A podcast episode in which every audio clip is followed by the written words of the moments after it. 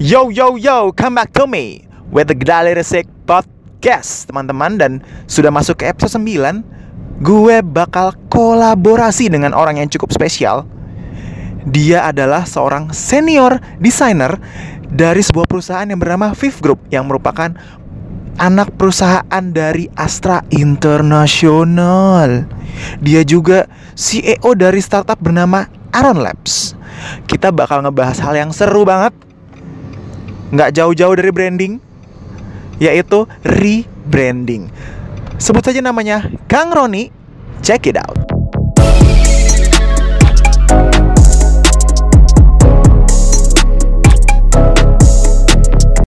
Agu News. Untuk yang pengen tahu lebih jauh kritik atau saran bisa langsung kirim aja ke gadiresik7 at gmail.com atau mention atau direct message juga boleh ke Instagram at Gladiresik Studio. Stay tune nam podcast Gladi Resik. Kang Roni, nah, mungkin bisa diceritain dulu sedikit kalau Kang Roni tuh ngapain aja nih di Fifth Group kerjaannya biar di sharing ke teman-teman gitu kali ya. Hai semua, uh, kenalkan nama gue Roni, gue senior graphic designer di Fifth Group. Uh, or nama PT-nya PT Federal International Finance, part of uh, Astra International.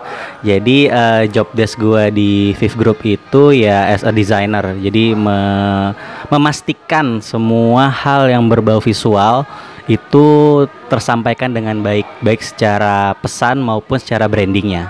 Itu sih job desk utama gue di sana. Nah, kalau nggak salah nih kan Astra eh, Fifth Group ini gitu, FIF. Nah, sekarang jadi Fifth Group. ini lagi sedang proses rebranding nih, Kang. Waduh. Dan kayaknya sangat menarik sekali kalau mungkin bisa cerita sedikit prosesnya gimana, kemudian kendalanya apa gitu kan, proses kreatifnya gitu kan. Biar orang-orang di sini juga mungkin kalau mau uh, rebranding juga mungkin brandnya dia tuh bisa belajar dari Kang Roni nih. Iya. Langsung Kang. Uh, jadi gini, uh, Fifth Group itu dulunya dikenal sebagai FIF. Uh, oh iya, aku cerita sebelumnya dulu.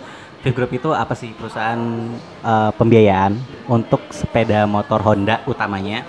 Selain itu juga melakukan pembiayaan untuk semuanya. Jadi baik untuk alat elektronik sampai untuk kebutuhan multiguna. Jadi kayak kalau mau usaha, nah itu bisa melalui Fifth Group. Nah kemudian kita di tahun 2000 2000 berapa lupa, pokoknya ulang tahun yang ke-24 kita tuh melakukan rebranding yang tadinya FIF menjadi Fifth Group. Tujuannya jelas karena uh, arah transformasi perusahaan, jadi semakin baik kan, jadi semakin besar juga perusahaan. Nah, uh, beberapa hal kita uh, apa namanya beberapa program atau beberapa activity banyak kita lakuin untuk melakukan rebranding ini. Salah satunya itu adalah melakukan launching exactly untuk uh, keluar. Kemudian uh, kita lakuin juga melalui channel-channel uh, website channel-channel internal kita, melalui website, portal, terus pemberitaan yang masif, uh, pengenalan logo, nama segala macam. Selain itu juga kita melakukan activity event-event segala macam. Nah, again nggak mudah sih karena kan Fifth Group itu sudah berdiri tahun ini tuh 30 tahun jadi kalau dibandingkan dengan branding yang sudah melekat di masyarakat selama 24 tahun dibandingkan dengan enam tahun tuh kan susah ya menggantinya kan. Yang darinya orang udah tahunya FIF menjadi Group tuh susah banget. Cuma kita terus melakukan uh, aktivitas activity jadi alhamdulillah di tahun ini kalau lihat dari Nielsen Research kita pakai Nielsen Research juga untuk melakukan uh, apa namanya pengetahuan branding kita itu kurang lebih udah 70% sudah merubah eh bukan udah tahu kalau Fifth Group itu sudah berganti nama. Kayak gitu sih. Oh, luar biasa sekali nih ya. Jadi ternyata rebranding tuh prosesnya banyak ya Kang ya. Panjang, Panjang banget ya. Mulai dari launching, yep. kemudian ngerubah website, kemudian yep. ada brand activationnya juga ya, yep. ikut event segala macam dan bahkan ada apa namanya tuh research dulu ya yes. dari Nielsen ya bisa dicek tuh sejauh apa brandnya udah dikenal sama orang ternyata sudah 70% gitu kan. Nah terus mungkin kalau tadi udah jelasin prosesnya nih Kang bisa ceritain sedikit tentang kendala Wah, selama melaksanakan proses rebranding.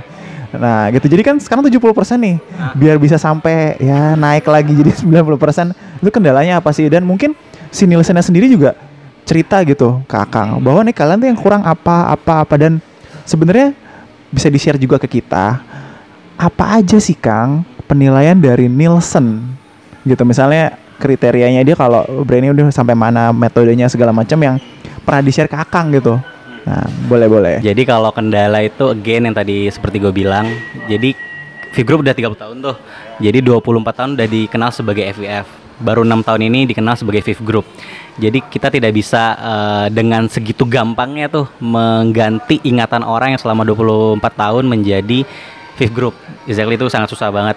Terlebih lagi eh, di cabang kita yang lumayan besar ada 214 cabang kita di seluruh Indonesia itu kebanyakan emang uh, udah bekerja lama ya maksudnya udah senior lah umurnya jadi kan orang-orang senior tuh untuk mengganti knowledge itu itu kan susah juga gitu kan. Jadi kalau dari internal aja susah merubah gimana kita melakukan eh, apa rebranding keluar kan. Makanya tahun-tahun awal itu mungkin dua tahun pertama fokus kita adalah rebranding untuk internal.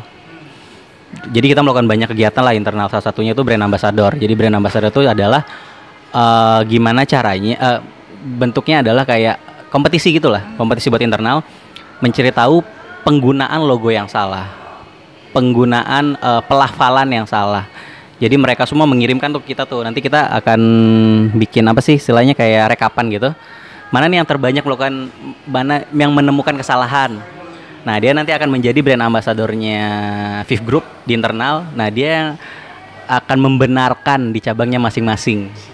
Jadi kan itu salah satu kegiatannya. Terus kegiatan yang kedua yaitu tadi bikin activity di luar yang kedua tujuannya tidak hanya jualan tapi juga branding. Branding itu dalam arti kita melakukan kegiatan eh, ide bisnis ke mahasiswa. Jadi kalau dulu tuh Viv Group itu jarang banget kan bikin activity buat di mahasiswa karena emang bukan targetnya kita sih. Karena jualannya Viv Group itu eh, menengah ke bawah dan udah berpenghasilan. Jadi exactly eh, mahasiswa tuh bukan kan, bukan part of sa- pasarnya Viv Group. Nah di tahun dua tahun belakangan Viv Group tuh masuk ke kalau mahasiswa. Tujuannya bukan buat jualan tapi buat branding. Jadi kita bikin activity eh, lomba-lomba gitulah lomba kayak ide bisnis, terus ada beberapa lomba video or something kayak gitulah. Tujuannya ya mereka tahu kalau Vip Group itu apa gitu. Nah, so far sih itu sih. Kalau survei atau research itu lebih ke nanya ke konsumen sih, random kan. Cara random itu jumlah pasti berapa orang yang di sur- survei itu lupa deh, ada pokoknya datanya. Mereka tuh ditanya kayak top of mind segala macam kayak ini kalau mau apa? Sepeda motor apa? Nah, pas sudah mereka menjawab nih, oke, eh, FIF gitu. Nah, tahu nggak sih kalau FIF sekarang berganti nama? Kalau tahu, kenapa masih pakai nyebutnya FIF? Kalau nggak, eh kalau nggak tahu, ya kenapa nggak tahu? Nah, dari situ kan kita bisa turunin jadi activity kan, kayak gitu sih. cukup menarik sekali ternyata. banyak kayak prosesnya kendalanya juga tadi banyak, panjang dan banyak orang yang masih yang umurnya eh, udah agak-agak tua gitu, udah udah lama tahu tentang FIF agak susah nih ke FIF Group dan kemudian rencana ke depannya itu bakal nge-branding ke anak-anak mahasiswa. Ya tujuannya adalah ini ya bahwa oh F- FIF Group FIF Group. Aduh ada di ada di otaknya dia gitu ya. Ya kan bener kan? Nah, terus eh, yang menarik lagi nih Kang kan apa tadi udah dijelasin tuh tentang udah apa aja yang dijalanin gitu. Kalau dari Kang Roni sendiri tuh sudah efektif apa belum? Dan kalau dari Kang Roni pribadi tuh seharusnya apa nih yang dilakukan oleh Viv Group buat rebranding apalagi nih kegiatannya gitu Ini udah efektif apa belum? Kayak cukup, cuma ku- kurang banyak intinya mah, intinya itu aja. Nah, paling mungkin ya di tahun ini kita melakukan banyak activity. gue juga tergabung dalam salah satu tim kecil di Viv Group untuk meningkatkan eh, branding untuk employee. Jadi kemungkinan di tahun 2019 ini kebetulan kita kita ulang tahun yang ke-30 jadi angka bagus kan. Nah, kita akan melakukan banyak activity terpecah menjadi dua activity, activity untuk marketing dan satu lagi activity untuk branding. Nah, untuk yang marketing udah jelas lah jualan segala macam bla bla bla. Nah, untuk branding ini kita pecah dua. Pecah dua lagi, yang satu untuk eh, image-nya perusahaan. Ke- jadi kegiatan dari Korkom lah intinya. Nah satu lagi tuh kayak eh, EVP kita nyebutnya EVP itu adalah Employee Value Proposition. Jadi gimana caranya orang yang ada di dalam Viv Group itu bangga dengan eh, kerja di Viv Group. Jadi dengan mereka bangga dengan di Viv Group, mereka dengan tidak sadar atau dengan kesadaran penuhnya sendiri meng-share di sosial media sendiri bahwa Viv Group itu kantor yang asik. Jadi dengan nggak langsung orang-orang di luar teman-teman mereka semua tuh tahu oke Viv Group itu apa. Jadi branding juga meningkatkan segala macam kurang lebih kayak gitu sih. Ini aku suka banget ya. Ini menarik sekali. Jadi ternyata pentingnya orang di dalam tuh bangga sama perusahaannya tuh meningkatkan branding juga ya. Karena secara nggak sadar dia sharing di sosial media, oh, gue kerja di sini, wah gitu-gitu segala macam ya ya ya. Boleh boleh boleh. Oke oke. Terus eh, tadi udah nanya perusahaannya apa, programnya apa, kriterianya udah, kekurangannya udah, terus tips nih Kang kita kita bikin ya kita tips kita bikin sebuah eh, kesimpulan lah dari jadi kalau kenapa sebuah produk atau brand itu butuh rebranding? Nah itu itu kenapa? Karena kan banyak ya alasannya kayak misalnya kayaknya udah harus rebranding tuh biar orang tuh fresh lagi tentang image barunya semangat terbarukan misalnya brandnya gitu kan mengikuti perkembangan zaman gitu kan. Mungkin Akang sharing juga bisa sharing juga kalau brand itu butuh rebranding karena ini ini ini ya bisa meningkatkan ini gitu dari sisi Akang sendiri gimana monggo monggo Sebelumnya nggak semua perusahaan harus rebranding sih exactly. Tergantung dari gimana strategi mereka untuk si company itu. Nah, and again rebranding itu tidak sega, tidak eh, selamanya harus merubah semua perusahaan. Bisa aja kayak misalkan kalau minuman eh, kemasan cukup rebranding bentuk desainnya doang. Jadi tidak merubah logo segala macam atau nama segala macam. Terus ada lagi perusahaan yang kayak Viv Group nih mengganti dari logo sampai pelafalan nama. Itu kan. Nah, tipsnya apa? Kayaknya pertama tuh harus based on research. Based on research itu dalam arti kenapa sih lu harus rebranding? Kan nanti ada muncul tuh. Makanya mungkin kalau research tuh bisa pakai tim internal atau mungkin pakai pihak ketiga. Nah, dari dari apa dari hasil research itu ketahuan tuh eh oke, ternyata perusahaan ini udah cukup terkenal dan tidak tidak perlu ada perubahan yang berarti. Ya ngapain kita melakukan rebranding? Paling cukup dengan mengganti foto maybe atau mengganti kemasan atau mengganti gaya desain cukup gitu tidak mengganti. Tapi kalau lihat lagi hasil riset, oh ternyata dari segi logo ini udah kolot. you know, kayak ini udah terlalu ini ya, itu perlu. And again semua harus berasal dari research. Terus yang kedua, setelah itu jangan setengah-setengah. Jadi setelah oke, setelah muncul riset yang kedua muncul loh, muncul ternyata harus berubah logo, nama karena alasannya bla bla bla bla bla bla. Oke. Setelah itu ada, oke jangan setengah-setengah. Push semuanya. Jadi push semua media yang kalian punya. Terus eh, lakukan dengan sepenuh hati lah intinya. Terus kalau exposure media di di ini juga di apa namanya di push juga gitu. Kenapa? Soalnya kalau misalnya setengah-setengah kayak cuma beberapa bagian, bagian doang yang works. Nanti yang beberapa bagian lagi nggak works itu akan memakan yang works tadi. Jadi harus full eh, apa? Full itulah full kegiatan lah intinya mah. Terus yang terakhir again setelah riset beres terus sudah melakukan kegiatan juga jangan lupa evaluasi. Jadi kalau dari evaluasi itu ketahuan kan kekurangannya apa. Terus kalau misalkan kurang ya harus dibenerin. Nah, kalau misalkan yang works yang mana ditingkatin. Kayak gitu sih.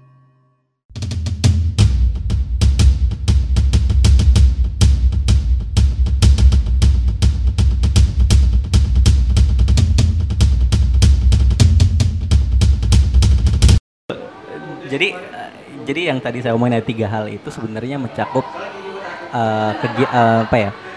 Nilai yang ada di Astra. Astra itu punya satu nilai namanya PDCA.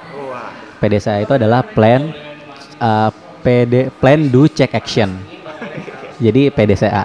Nah, di PDCA itu yang kami terapkan di segala activity yang ada di Astra, Astra secara keseluruhan, yang diturunin ke dalam perusahaannya masing-masing. Ya, plan itu apa? Itu tadi research juga termasuk dalam plan. Jadi sebelum kita mau sesuatu, kita harus bikin nih listnya apa aja, bla bla bla segala macam. And then kita melakukan do. Dari hasil plan tadi, apa yang kita lakuin. Jadi kayak tadi tuh eh, kita melakukan rebranding bla bla bla segala macam. Itu yang do-nya. Kemudian ada check. After kita do, we check. Jadi apa yang salah dari segalanya, apa yang benar dari segalanya. Setelah itu baru action.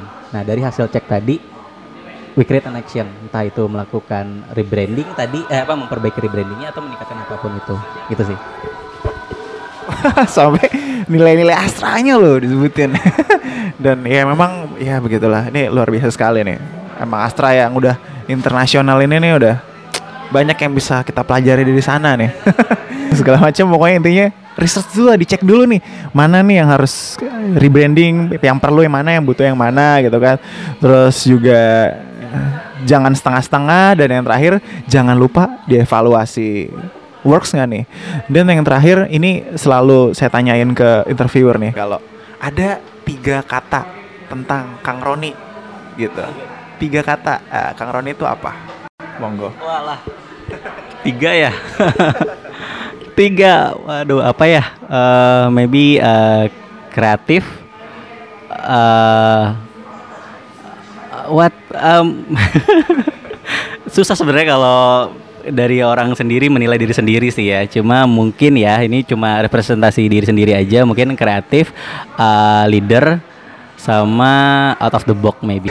Oke oke oke kreatif, leader dan out of the box. Jadi yang menariknya adalah dulu Kang Roni ini adalah ketua himpunan gue ya. Jadi dan kita berencana bakal reuni bareng nih KMDI pengen ya gitu keluarga mahasiswa desainnya Telkom dulu manajemen Terus ya makasih banyak buat Kang Roni. Kita bakal ketemu lagi di kesempatan selanjutnya. Makasih banget buat sharingnya nih. Ini mudah-mudahan bermanfaat buat teman-teman lah, terutama yang pengen rebranding. Thank you so much. Bye.